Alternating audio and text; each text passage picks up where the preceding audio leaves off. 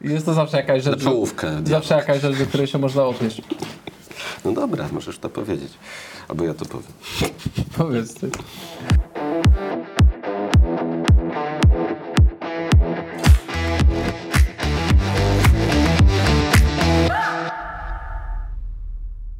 Witamy Was w dziesiątym jubileuszowym odcinku programu Bossa Kimencen przy naszym nowym okrągłym stole.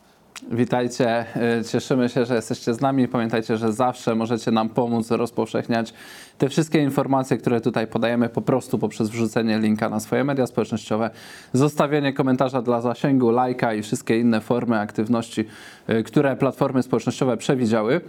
E, Ostatnio jest taki trend, że w związku ze wzrostem no, notowań sondażowych Konfederacji wszyscy zaczęli nas atakować, więc dzisiaj zaczniemy odcinek i też sobie trochę poatakujemy.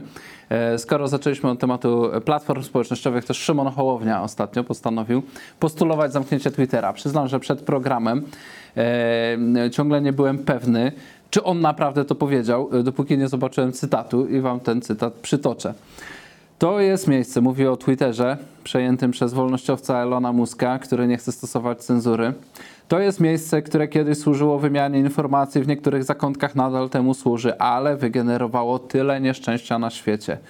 Tyle nienawiści, tyle bezkarnego pogardzania innymi, co później psuje całą debatę, że należy to zamknąć lub ograniczyć. Należy nauczyć się znowu nawzajem ze sobą rozmawiać. Szymon Hołownia chce Was uczyć rozmawiać poprzez zamknięcie Twittera. Literalnie antypody polityki, którą proponuje Konfederacja, gdzie my krytykujemy cenzurę. Na świecie toczy się wprawdzie dyskusja, co zrobić z mediami e, społecznościowymi. Niektórzy chcą je zamykać, na przykład TikToka. To zarówno Unia Europejska, jak i Stany Zjednoczone o tym mówią, głównie dlatego, że TikTok należy do Chin. Oni sami chcą kontrolować największe platformy. Natomiast mi się wydaje, że e, Szymon Hołownia nie idzie z tym intelektualnym duchem debaty, tylko po prostu się obraził. On ma ostatnio trochę gorszy okres, sondaże mu mocno e, spadły. Ja widziałem zresztą to nagranie, dlatego nie miałem problemu z uwierzeniem to, co widzę w naszych notatkach. On chodzi po takiej malutkiej salce, otoczony tam, nie wiem, 20-30 znudzonymi ludźmi, tym swoim absolutnie nieznośnym, takim kaznodziejskim tonem, z jakiego znany jest Hołownia, płacze, że go obrażają e, na Twitterze. Rzucili się na niego fanboje Tuska i Platformy po tym, jak odmówił stworzenia jednej listy i facet po prostu nie wytrzymał e, psychicznie. Postanowił stłuc termometr i pomyślał, że jak zamknie Twittera, to go nie będą obrażać, więc problem rozwiązany. Warto w takiej wypowiedzi Szymona Hołowni w ogóle zwrócić uwagę, używając modnego języka e, ale trochę go odwracając, na taką wi- wiktymizację Twittera, którą on zrobił, czyli że on obwinia Twittera, że on wygenerował nienawiść. No nie wiem, ja, ja korzystam z Twittera chyba gdzieś tam od 2009 roku, więc to już kilkanaście lat będzie. I szczerze powiedziawszy, widziałem te kolejne fale ludzi napływających na Twittera. Najpierw to było takie medium niszowe, teraz jest tam pewnie już e, kilka milionów Polaków sobie tam zagląda. No i moim zdaniem to wygląda dokładnie tak samo jak z każdą inną stroną internetową. To znaczy ludzie ujawniają tam te emocje, które już mają. Stwierdzenie, że jakakolwiek platforma wygenerowała coś, e, to jest taka socjologiczna, lewicowa narracja. A co do TikToka, to jeszcze powiem, że ostatnio wymsknęło się któremuś z członków takiej rady, która jest przy rządzie, że w Polsce będą TikToka zakazywać. Sądzę, że może mieć to związek z tym, że jest to chyba jedna z niewielu platform, na której jeszcze nie byliśmy cenzurowani. A nieprawda, ja byłem cenzurowany. Z rok temu moje dwa filmy wycięli. Jeden za to, że powiedziałem. Pamiętam, zrobiłem sobie takie zdjęcie z małpą i podpisałem, że to jest moje spotkanie z posłem meksykańskiej partii socjalistycznej i zgłosili mi obrońcy praw Oskarżyli się o antymałpizm. Tak, że, że obrażam małpę i za to poleciał mój filmik na TikToku, gdzie to omawiałem, a wcześniej zdjęcie z Instagrama mi e, wycięli, więc Ale się nie zdradziłeś i teraz jesteś królem politycznego TikToka. tak, e, trzeba być konsekwentnym, robić swoje. Na TikToku dobrze idzie, natomiast mamy TikTokizację wszystkich portf- e, portali społecznościowych, więc nawet jak mi tego TikToka zamkną, będę robił to samo na Instagramie, YouTube Shortsy, e, Facebook Reelsy, więc e, da radę bez TikToka żyć, ale wolałbym, żeby go nie zamykali. Przynajmniej póki PiS y, z Szymonem Hołownią nie pozamykają platform społecznościowych, żeby nauczyć was rozmawiać. I chyba to jest dobry moment, żebyśmy w ramach naszego, naszego ataku, które to będą takie retorsje, prawda? My jesteśmy atakowani, więc atakujemy teraz. E, nie zaatakowali sobie Donalda Tuska. Tak, na- Donald Tusk też e, zdążył zabłyszczeć. Tu teraz z kolei cytat e, z Tuska. Potrzebny jest powrót do liberalnego ducha polskiej gospodarki, gdzie będzie decydować zdrowa konkurencja, a nie monopole. Teraz mamy nawrót prostackiego socjalizmu, gdzie nie człowiek jest w centrum, tylko władza. Więc na czym ten, e, na czym ten prostacki socjalizm e, polega? No, na pewno nie na babciowym, na pewno nie na darmowych kredytach, na pewno nie na czterodniowym tygodniu pracy postulowanym przez Tuska, bo Tusk to wszystko proponuje. Prawdopodobnie nawiązywał do dwuprocentowego kredytu e, hipotecznego proponowanego przez e, PiS i jakichś zasiłków e, proponowanych przez PiS. Ja tu przyznaję, że nie do końca rozumiem, bo gubię się w retoryce Tuska. Jak on to sobie tłumaczy, że jak PiS proponuje nowy zasiłek, to jest to prostacki socjalizm, a jak Tusk proponuje nowy zasiłek, to on wtedy zaprzecza, że to nie jest rozdawnictwo. Mieliśmy też ostatnio ciekawą wypowiedź Kierwińskiego, który powiedział, że Tusk jest właśnie wolnościowcem, liberałem, który widzi potrzebę tego, żeby ludziom rozdawać pieniądze, ale to nie jest rozdawnictwo, tylko to jest pomoc osobom w potrzebie. I Tusk jest też, zdaje się, em, liberałem, tak. Może ja trochę e, bardziej wniknąłem właśnie w e, umysłowość e, platformersa, tego, tego programowego, tego, co kreuje te, te, te rzeczy, które Tusk mówi, bo u nich taka narracja tam jest za tym, że oni płacą za powrót do pracy. I to ma być ten e, aspekt e, liberalny. No szczerze powiedziawszy, jak ktoś wraca do pracy, to chyba idea pracy polega na tym, że dostajesz pieniądze, z których jesteś się w stanie utrzymać, prawda? Jeżeli one są niewystarczające, to może trzeba tam redukować jakieś obciążenia podatkowe czy składkowe. I to chyba byłoby e, liberalne na gruncie tej klasycznej teorii ekonomicznej. Tymczasem tak, oni podatki chcą, żeby były wysokie. Napisałem takiego tweeta z piątką platformy, gdzie napisałem, że oni chcą wysokich podatków i oni tak, tak, właśnie tego chcemy. Tam mi zaraz odpisało ze 100 różnych osób. Więc chcą wyższych podatków i jednocześnie chcą tym niektórym, co wrócą do pracy, zwracać za to, że wrócą do pracy, zabierając uprzednio to w podatkach. No, y, y, nie wiem do końca nawet jak to nazwać.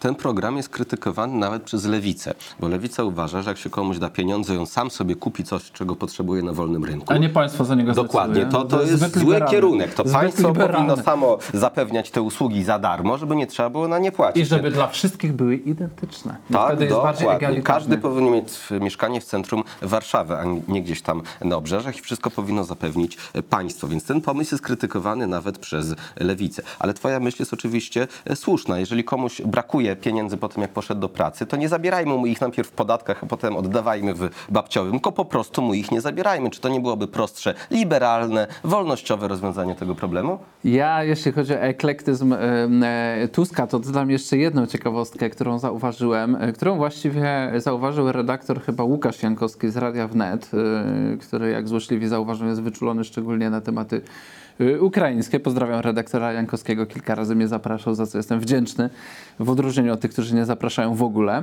choć nie zawsze się zgadzamy. Łukasz Jankowski wychwycił, że Tusk na którymś z innych spotkań, to z kolei w sprawie pomagania Ukrainy pojechał, jak to się wyraził Jankowski, prawie tak jak Bran. Mówił, że pomagać Ukrainie trzeba, ale z głową, że może tutaj te zboże za bardzo zostało wpuszczone, że to, że tamto. E, Widać, że oni chyba obserwują, co my mówimy i przestawili wajchę, że teraz, tak jak przed y, drugą turą wyborów prezydenckich, Trzaskowski mówił, że on to nawet na Marsz Niepodległości w sumie mógłby pójść. To teraz przestawili wajchę i nagle próbują te różne wątki programowe, które im się zdaje, że przyciągnęły do Konfederacji, bo jeżeli mam być szczery, to moim zdaniem żaden konkretny, szczegółowy wątek nie przyciągnął wyborców do Konfederacji, tylko jakaś suma autentyzmu postaci, które tworzą Konfederację. Natomiast im się zdaje, że to jakiś konkretny, szczegółowy wątek. Jakże teraz za, za, zaczną nas przedrzeźniać, to nagle wyborcy pójdą do nich. Myślę, myślę, że tak się nie wydarzy. Natomiast prawdą jest, że Tusk się nam radykalizuje i głosi coraz ostrzejsze hasła. Kilka wyciąłem u siebie na Twitterze. Tam z, dogrzebcie się do tweetów z soboty i niedzieli i sobie popatrzcie, jakie hasła na swoich spotkaniach Tusk teraz wykrzykuje.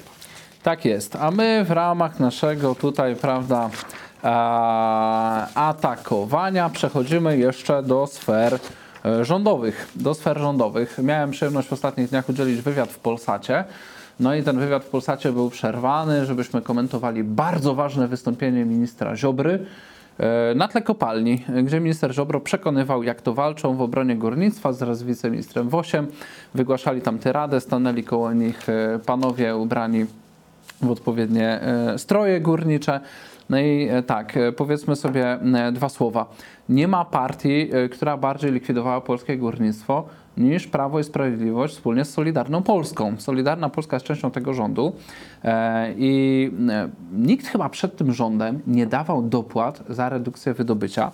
E, Nikt nie zamykał kopalń w takiej skali, jak to robi polski rząd. Ja może wymienię kopalnie, które zostały zamknięte po 2015 roku. Lista jest imponująca. W sumie 14 kopalń. Kopalnia węgla kamiennego Brzeszcze Wschód, kopalnia węgla kamiennego Anna, kopalnia węgla kamiennego Jasmos, kopalnia węgla kamiennego Pokój 1, kopalnia węgla kamiennego Makoszowy, gdzie mój wujek przepracował całe swoje życie zawodowe, e, kopalnia węgla kamiennego Krupiński, kopalnia węgla kamiennego Wieczorek 1, kopalnia węgla kamiennego Śląsk, kopalnia węgla kamiennego Wieczorek 2, kopalnia węgla kamiennego Mysłowice, Wesoła 1, Rydultowy 1, Piekary 1, Jastrzębie 3, Pokój 2. To są kopalnie, które zostały zamknięte, wyłączone z użytku. Niektóre możecie znaleźć firmy w internecie, jak wręcz wysadzali w powietrze te y, szyby, infrastrukturę, żeby tego się nie dało ponownie otworzyć. Są informacje, że niektóre były zalewane. Dodatkowo rząd blokował wejście prywatnych spółek na rynek górniczy, żeby nie okazało się, że da się efektywnie, ekonomicznie wydobywać polski węgiel. Rząd także, ten rząd Solidarnej Polski, Ziobry, i Morawieckiego, i Kaczyńskiego, i PiSu. E, Ten rząd y, także e, nic nie zrobił w Unii Europejskiej w sprawie dyrektywy metanowej, o czym mówił chyba Piotr Woźniak, jeden z wysokich menadżerów z zaplecza rządu do pewnego momentu, póki go nie usunęli, że administracja była bierna i ta dyrektywa metanowa, te kopalnie, które jeszcze jakimś cudem zostały, ma też pozamykać, bo 80-90% polskich kopalń e, właśnie emituje e, ten metan. Ma to wejść od 27 roku, więc znacznie szybciej niż w ramach tego tak zwanego porozumienia społecznego o zamykaniu kopalń, które rząd wynegocjował ze związkami zawodowymi. I to jest sytuacja, proszę Państwa, niesamowicie poważna. Nasza energetyka uzależniona jest w tym momencie od węgla. I okazuje się, że ten węgiel, który my będziemy sypać do tych elektrowni, to nawet nie będzie polski węgiel, tylko to będzie węgiel z importu, ponieważ przepisy unijne sprawią, że wydobywanie węgla w Polsce w ogóle przestanie się opłacać. Tych 80-90% kopalni po prostu zostanie zamkniętych. Jak one zostanie zamknięte, to dalej elektrownie na czymś będą musiały działać. I węgiel będzie sprowadzany z importu. I to nie ma nic wspólnego z żadną ochroną środowiska, ponieważ te przepisy nie przewidują nawet tego, że jak się kupi węgiel z kraju, który nie ma tego rodzaju ochrony, to że on jest nakładany, nakładany na niego są jakieś cła czy cokolwiek. W związku z czym Unia Europejska ma problem z tym, że węgiel wydobywa się w Polsce, a jeżeli ten sam węgiel będzie wydobywany gdziekolwiek indziej poza Europą, a następnie przywieziony do Polski, to już z tym problemu nie ma. Chodzi o to, żebyśmy nie palili w swoich elektrowniach swoim własnym węglem. Czyli musimy być uzależnieni od najlepiej gazu, który przychodzi do nas przez Niemcy. Musimy być uzależnieni od węgla, ale nie polskiego, tylko takiego przysyłanego z zagranicy oraz tych tech, technologii OZE też sprowadzanych z Niemiec. Mamy być całkowicie uzależnieni energetycznie od importu. I to jest po prostu niebezpieczne dla państwa polskiego. W przypadku jakiegoś kryzysu, przycięcia łańcuchów dostaw, po prostu w Polsce nie będzie prądu. Tak, tu warto dodać dla pełnej uczciwości, bo staramy się być uczciwi w tym, co Wam mówimy. Eee, Jest to, powiedziałbym, chyba wyróżnik Konfederacji w polskiej polityce, że czy to e, dane są, czy konkretne e, fakty dla wspierają naszą linię, czy nie do końca, po prostu zależy nam też na tym, żeby ten nasz program miał jakiś walor edukacyjny. No to dodam tutaj, po to też te notatki, prawda? Nie da się tego wszystkiego spamiętać, e, że pełna dekarbonizacja polskiej gospodarki została przez rząd w tych oficjalnych strategiach zaplanowana do 2049 roku. Co to znaczy pełna dekarbonizacja? Czyli, że nie będzie się już używać węgla do wytwarzania prądu lub ciepła lub do ogrzewania domów, tak? E, No, zaplanowali cel, ale nie, nie, nie zachowali zasad dobrego zarządzania, bo nie zaplanowali środków na realizację tego celu. Kto ma za to zapłacić, za tą pełną dekarbonizację? Nikt tego nie przewiduje. Wszyscy wiedzą, że to są koszty idące w miliardy, dokładnie tak samo jak z tymi dyrektywami unijnymi.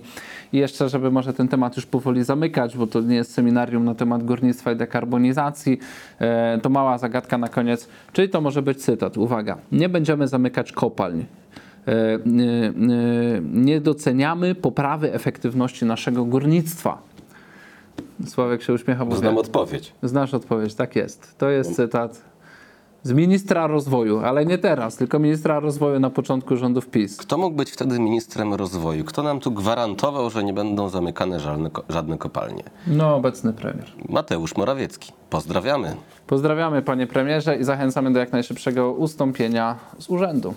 Niestety coraz więcej osób boi się konsekwencji chociażby tego zamykania e, kopalń, czy też e, dekarbonizacji polskiej gospodarki, pakietów klimatycznych, ponieważ to wszystko przekłada się na ceny energii. Według ostatnich badań aż 60% polskich firm uważa, że prąd, drogi prąd jest głównym zagrożeniem dla dalszego prowadzenia ich działalności. I w Polsce ten odsetek jest znacznie większy niż w innych krajach, bo średnia światowa to zaledwie 42%, a u nas jest tu aż 60%. I co najważniejsze, największe obawy przed wzrostem cen energii widać u przedsiębiorców średniej wielkości. Nie chodzi o jakieś wielkie koncerny, one sobie bez problemu z tym poradzą, wielkie spółki Skarbu Państwa sobie z tym poradzą, ale obawiają się właśnie mniejsze firmy zatrudniające tam od 50 do 250 pracowników, mające parę milionów przychodu. To jest ta polski taki mały biznes, który próbuje rosnąć pomimo tych wszystkich przeciwności i niestety ma coraz gorzej. To jest tak jak Mateusz Morawiecki nam mówił w trakcie walki z wirusem, że po wirusie czeka nas odbicie gospodarki w kształcie litery K. To znaczy, że wielkie koncerny i spółki Skarbu Państwa odbiją w górę, a mały i średni biznes zostanie wbity w ziemię. To razem jak na jednym wykresie by się naniosło, to byłaby właśnie litera K. I to jest kolejny objaw tego, że cała światowa gospodarka i zaraz za nią jej wielki entuzjasta Mateusz Morawiecki, który bardzo lubi wdrażać w Polsce te wszystkie globalne e, procesy, ta gospodarka idzie w kierunku tego, żeby były tylko wielkie korporacje, wielkie spółki Skarbu Państwa kontrolowane przez polityków, a mały biznes, firmy rodzinne, klasa średnia mają być po prostu wdeptane w ziemię, zarówno cenami energii, jak i wszystkimi regulacjami oraz podatkami. Tutaj e, przy tych badaniach, e, do, do których nawiązał Sławek, warto zauważyć pewną ciekawą rzecz, a mianowicie te badania były przeprowadzone w 18 krajach i wyszło, że w Polsce statystycznie właśnie średnie firmy aż o połowę bardziej boją się tych e, konsekwencji zmian cen prądu. E, średnia światowa 42%, w Polsce 60%, a w niektórych sektorach firm nawet 72%. E, boi się tego, ocenia to jako poważne ryzyko dla, dla kontynuacji swojego rozwoju. Z czego to wynika? E, No ja myślę, że to wynika po pierwsze z tego, że nikt tutaj w Polsce nie wierzy w te rządowe strategie, te dekarbonizacyjne, o których przed chwilą mówiliśmy. To znaczy w Polsce ogłasza się strategię po to, żeby mieć e, jednodniowe wydarzenie medialne. Często nikt tych strategii później nie, nie, nie czyta, nie mówiąc o ich realizowaniu. Druga sprawa jest taka, że mm, nie wiem, czy w innych państwach są takie problemy, ale to, co ja słyszałem od ludzi, którzy prowadzą działalność gospodarczą, to nie tylko, że rachunki za prąd są problemem, ale często w ogóle podłączenie prądu. To znaczy w Polsce te zakłady energetyczne z czasów PRL zostały przekształcone w spółki akcyjne, ale one wewnętrznie często mają kulturę organizacyjną takich zakładów z czasów PRL. E, Mają Polskę podzieloną na regiony i jeżeli ktoś chce jakiś prąd określonej mocy, żeby uruchomić produkcję, to czasem może sobie i rok czekać i nie wiadomo, czy się doczeka, czy się nie doczeka.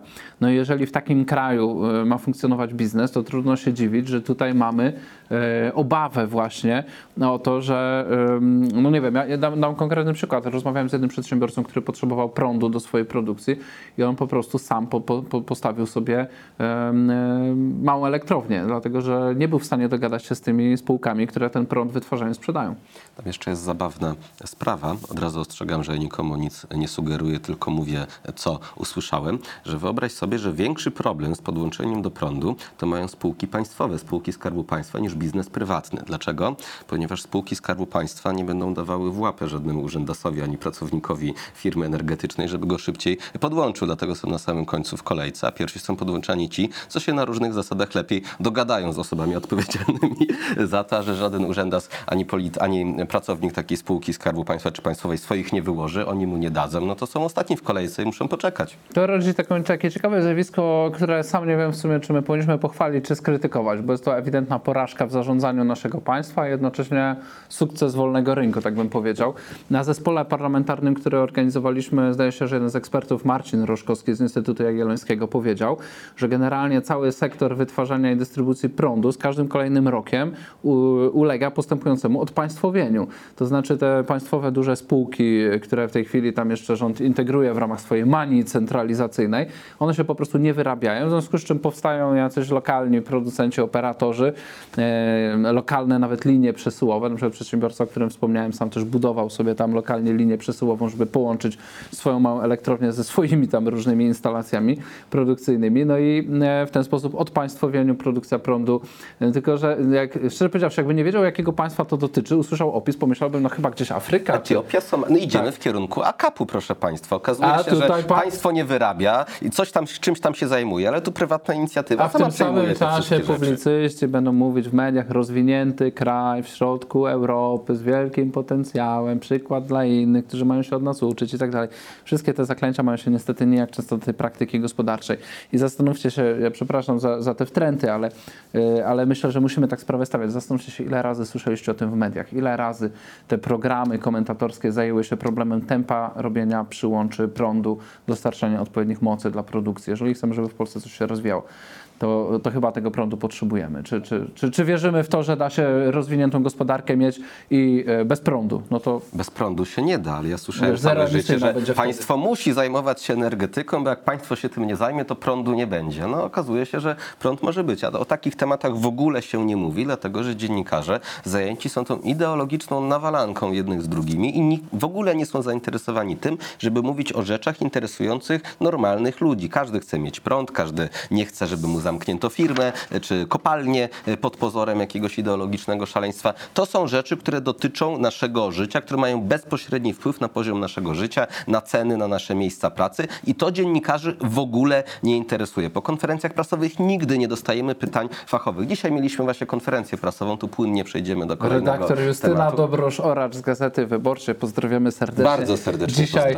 e, mieliśmy dwie konfe- jako Konfederacja konferencje prasowe. Najpierw był Grzegorz Braun z jednym z naszych kolegów, a później Konradem Berkowiczem. Konradem zdaje się. Berkowiczem, a później ja ze Sławkiem my mieliśmy na temat em, e, budynków, nowych podatków, to jeszcze do tego wrócimy. Alarmujemy, z czym wiąże się realizacja pakietu Fit for 55, e, zaakceptowanego przez Mateusza Morawieckiego e, podczas Rady Europejskiej w 2020 roku. Rząd PiS z niezwykłą konsekwencją i determinacją realizuje plan zwiększenia kosztów życia w Polsce oraz zubożenia Polaków. No i oczywiście redaktor Dobrosz-Oracz zaatakowała, ale w jakiej sprawie?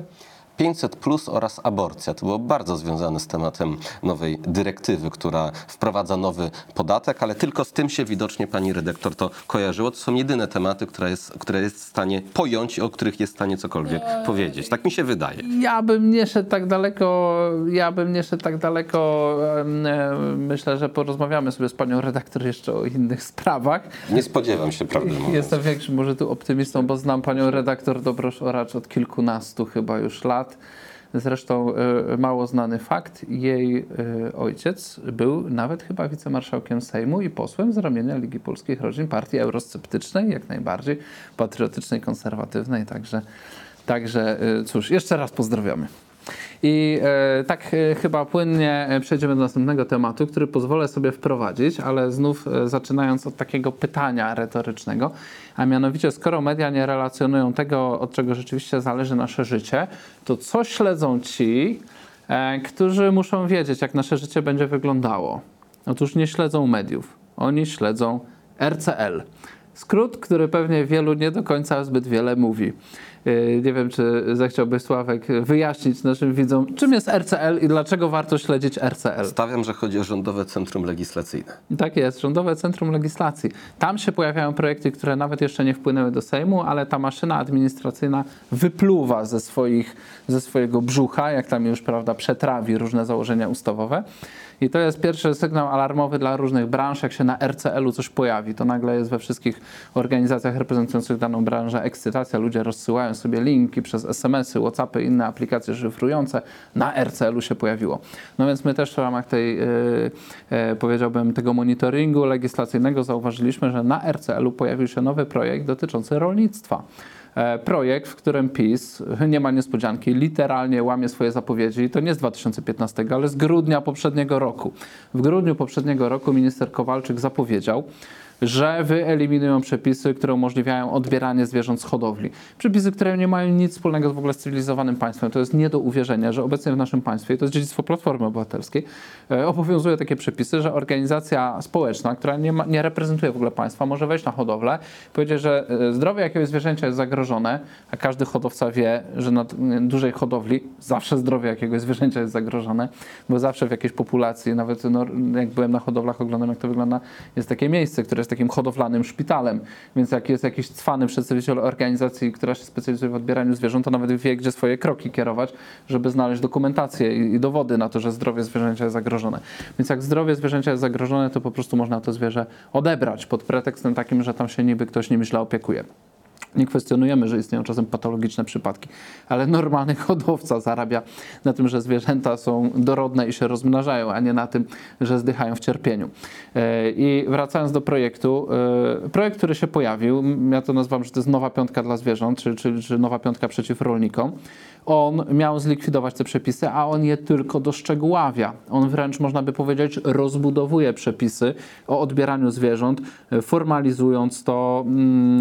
W, w, na przykład, y, że y, na przykład, że y, gospodarz, który, któremu zwierzęta zostaną odebrane, będzie musiał jeszcze pokryć koszty tego wszystkiego, jeżeli sąd go tam e, pr- sk- skaże za to, że, że te zwierzęta mu zabrali. No naprawdę kuriozalne przepisy, ale ktoś powie, no dobra, zwierzęta odbierają, okej, no to są organizacje, które zajmują się zwierzętami, czy tu się przyjmować. Jest jeszcze druga część tej ustawy, która jest jeszcze bardziej nie do uwierzenia i literalnie moim zdaniem jest już po myśli Jarosława Kaczyńskiego i tej jego takiej swego rodzaju szczególnej obsesji prozwierzęcej.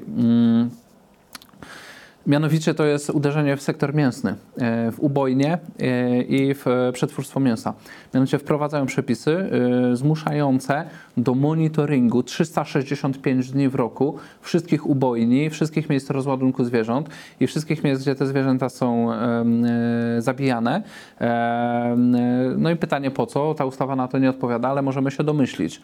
Jeżeli ktoś chce w Polsce ograniczyć spożycie mięsa, jeżeli ktoś chce w Polsce uderzyć w sektor mięsny, a przypomnijmy, że piątka dla zwierząt uderzyła w sektor mięsny, w eksport mięsa, gdzie duża część e, polskiego mięsa idzie na eksport z certyfikatami uboju rytualnego, między innymi na rynki muzułmańskie, no to jeżeli chciałbym w to uderzyć, to właśnie bym coś takiego robił, tak? Obowiązek nagrywania tego wszystkiego, później być może przeciek do mediów i podstawa do tego, żeby na przykład to próbować po raz kolejny delegalizować.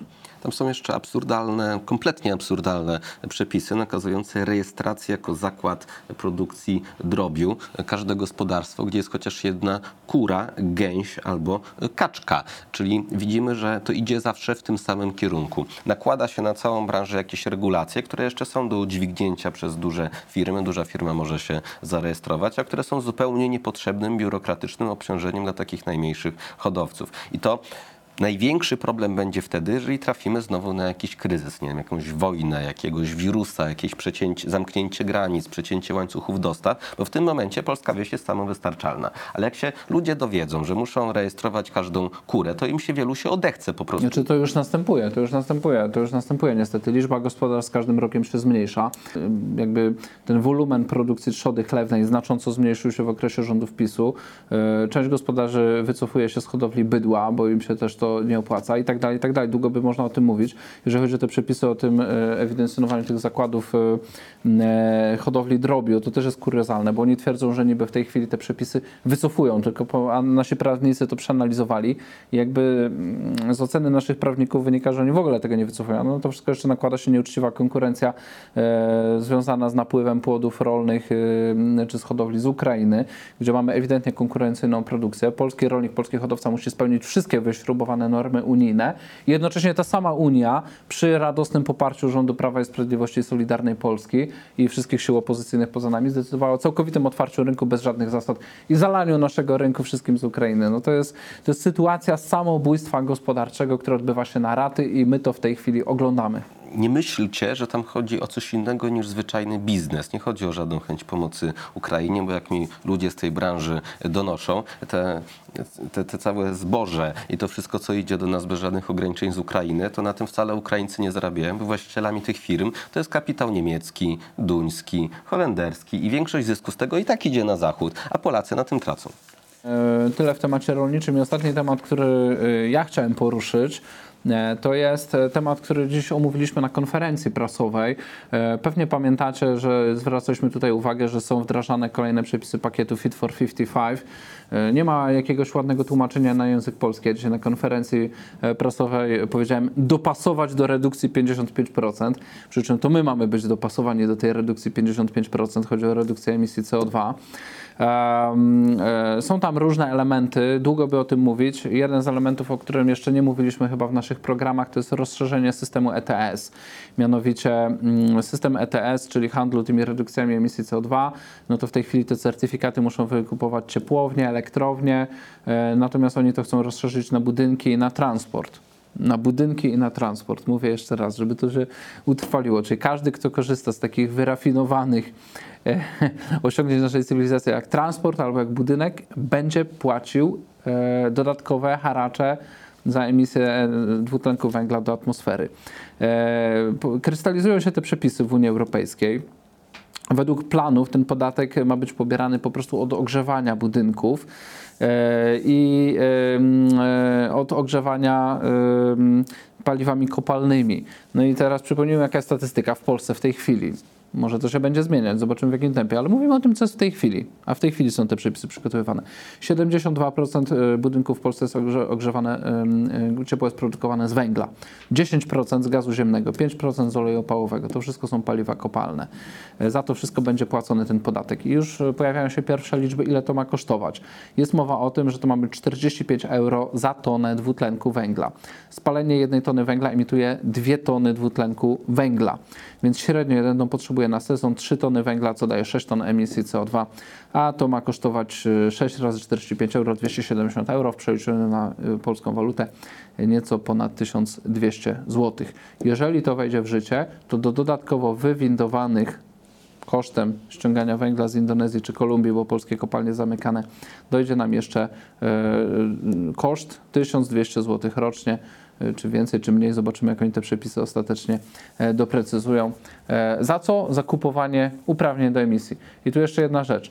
E, Te uprawnienia do emisji, co kupują ciepłownie czy elektrownie, one miały obecnie być znacznie tańsze. Nie wiem, czy nie trzy razy tańsze niż w tej chwili kosztują, według prognoz. Po prostu wystrzeliły w górę, bo oni to puścili na tak zwany rynek, który jakby, no, jakby nie jest prawdziwym rynkiem, bo jest ustanowiony przez biurokratów. I e, w tej chwili mamy ceny takie, jakie mamy, to znaczy, że ludzie płacą horrendalne rachunki za ciepły prąd. Uderzające tu są dwie sprawy. Pierwsza jest taka, że kto ogrzewa swój dom węglem? No ktoś, kogo nie stać na trochę lepsze, wygodniejsze ogrzewanie, bo to nie jest wcale fajna sprawa. Trzeba wstać rano, nasypać tego węgla do pieca. To jest po prostu niewygodne. Jeżeli ktoś ma trochę więcej pieniędzy, to ma inny rodzaj ogrzewania. W związku z czym ten węgiel mają osoby, których nie stać na zakup lepszej formy ogrzewania. Więc to uderzy przede wszystkim w najbiedniejszych Polaków, w emerytów, w ludzi, którzy mniej zarabiają i ten rząd Mateusza Morawieckiego przywali w nich jeszcze dodatkowymi podatkami. Jak teraz wielu emerytów bało się, czy będzie ich stać na to, żeby sobie kupić węgiel na zimę, to ten problem niestety będzie coraz wyższy, bo oprócz kupna węgla będą jeszcze potem musieli zapłacić od tego dodatkowy podatek, nawet 1200 zł rocznie. Druga uderzająca rzecz jest taka, że tym podatkiem obłożone zostanie również ogrzewanie gazowe. Teraz Unia Europejska oraz polski rząd namawiały od lat ludzi, instalujcie ogrzewanie gazowe, wyrzućcie jakieś swoje piece, dajcie sobie piece gazowe. Po czym się dowiadujemy, o czym mówiliśmy poprzednio, że od 35 roku te piece gazowe będą nielegalne, a od 27 roku zostaną obłożone dodatkowym podatkiem, którego wcześniej nie było. I na to wszystko zgodził się Mateusz Morawiecki, który jeżeli będzie istniał jeszcze w polityce za te 4 lata, kiedy ten podatek będzie wchodził, to na pewno nie będzie o tym pamiętał i będzie mówił, że to zła Unia Europejska narzuca, on by nie chciał, no ale zmusili nas do tego. Nieprawda, nikogo nie zmusili, sam się na to dobrowolnie zgodził. I dodajmy jeszcze tutaj, że te same gospodarstwa, które będą zmuszone kupować te, nie wiem, certyfikaty, czy będą płacić te opłaty, no to czy, co za różnica, jak to się będzie nazywało? Danina, podatek, opłata, certyfikat, składka, bez różnicy. Chodzi o to, że przepływ kapitału będzie e, od gospodarstw domowych e, do do, właściwie to nie wiadomo na dobrą sprawę kogo, czy to do Brukseli pójdzie, czy gdzie, te same gospodarstwa w tym samym czasie będą musiały ponieść koszty tych wymuszonych dyrektywą budynkową EPBD modernizacji domów. E, Te, te miliony budynków, które mają być modernizowane, to przecież też nie będą te najnowocześniejsze budynki. Moim zdaniem em, ludzie tego nie uniosą i pytanie, jak ma wyglądać właściwie wdrażanie tego. Albo się okaże, że to będą jakieś gigantyczne opóźnienia i znów nakładane na państwo polskie kary za brak realizacji tych wszystkich celów, albo jakieś gigantyczne programy rządowe będą konieczne, żeby to realizować, co się skończy wielkim zadłużeniem, dodrukiem pieniądza, jakąś wielką, wiel, wielką, wiel, wielką redystrybucją i, i systemem takich e, przez państwo inicjowanych działań, no albo jeszcze jakoś inaczej. Trudno powiedzieć. Natomiast to, co jest dla mnie jako dla posła i polityka przerażające, to że nikt w polskim Sejmie o tych sprawach nie dyskutuje. Nie ma w Sejmie żadnej dyskusji nad tym wszystkim, jak to się ma zrobić. Gdybyśmy my do tego programu, tych informacji wraz z pomocą wszystkich współpracowników, którym dziękujemy za zaangażowanie, nie zbierali, to my sami byśmy się znikąd tego nie dowiedzieli. To nie jest tak, że my w Sejmie dostajemy jakiś biuletyn, w którym jest napisane, co Polska będzie musiała, jakie są nowe e, zobowiązania, bo że media robią tą robotę. Na przykład Rada Europejska, na której był e, w tym tygodniu premier Morawiecki, jej postanowienia generalnie nie zostały zrelacjonowane w sposób wyczerpujący, ani nawet powierzchowny, chyba w żadnych polskich mediach. Jak ktoś ogląda nasz program i e, telewizję, albo nawet czyta internet, to może o, o, nabrać wrażenia, że my w ogóle mówimy o jakimś innym kraju. Tak, że- że my tematów żyjemy ogóle w alternatywnej tak, Mamy rzeczywistości. alternatywną rzeczywistość, gdzie mówimy o I w rzeczach, mamy które swoje są, alternatywne tak, fakty. Swój świat mamy, omawiamy swoje tematy, których nikt inny nie widzi. Tylko problem jest taki, że one się bardzo niedługo tutaj To jest, prawdzi- to zmaterializują. jest prawdziwa Tak. rzeczywistość. To, co właśnie, to o czym my mówimy. Na przykład ja się zastanawiam nad tym, jak to jest możliwe, że ci politycy em, zaangażowali swój autorytet, żeby namawiać ludzi na piece gazowe i w tej chwili Unia ich zakaże. I e, ktoś może powiedzieć, że oni uczestniczą w jakimś spisku, prawda, albo coś, ktoś ich przekupił. Moim zdaniem, e, ja, ja, ja to zawsze mówię, że ci, którzy mają myślenie spiskowe, oni są na swój sposób optymistami, dlatego że oni uważają, że ktoś tym wszystkim e, kieruje z kulis, na przykład polskimi politykami. Moim zdaniem sytuacja jest dużo bardziej dramatyczna. Z nimi w ogóle nie trzeba rozmawiać. Po prostu decyzje zapadają w zupełnie innym miejscu, a politycy wiodących partii politycznych dotychczas na polskiej scenie wiodących jak PiS, Platforma, SLD, Solidarna Polska, tam y, Razem, PSL i te wszystkie tam przybudówki, dawna Unia Wolności, która się rozpełzła po wszystkich innych partiach politycznych, oni wszyscy po prostu zwyczajnie nie wiedzą, co będzie postanowione, więc raz adwokatują to, raz adwokatują tamto, wersja się zmienia, oni starają się nadążać za mądrością etapu, żeby nie wypaść tego głównego nurtu, bo wiedzą, że żeby być w głównym nurcie, muszą powtarzać to, co przychodzi z Brukseli i twierdzić, że to jest najbardziej oświecone, najbardziej racjonalne na danym etapie, najbardziej zgodne z bieżącymi badaniami, z bieżącym konsensusem. I po prostu w ten sposób y, ten swój autorytet angażują. No, pytanie, czy my jako Polacy taką sytuację akceptujemy? Ja na pewno nie akceptuję. Mam nadzieję, że jak największa część z Państwa również. I ostatni temat, znowu będzie quiz, pytanie. Zleciłem ostatnio sprawdzenie, ile różnych kompetencji ma minister finansów, w jakich sprawach może podjąć decyzję, co od tego ministra finansów zależy. Jak Krzysztof myślisz, ile tych rzeczy jest? No mamy w Polsce kilkadziesiąt podatków, więc pewnie kilkadziesiąt. Na razie 1400 różnych kompetencji ministra finansów namierzyliśmy. Jeszcze przedwczoraj było ich 1300, wczoraj urosło do 1400 i liczba jeszcze nie jest zamknięta. Licznik bije. Więc licznik bije. I wśród tych 1400 kompetencji ministra finansów najbardziej podoba mi się artykuł 22 ordynacji podatkowej, który mówi, że minister finansów w drodze rozporządzenia, nie żadnej tam ustawy, tylko rozporządzenia, może zaniechać poboru dowolnego podatku za dowolny okres, jeżeli jest to w interesie e, publicznym lub ważnym interesie podatnika. I mi się tak wydaje, że jest zupełnie oczywiste, że w interesie podatników i w sumie też publicznym jest to, żeby zaniechać poboru podatku belki od obligacji oraz lokat. No bo mamy sytuację, że inflacja wynosi ponad 18%.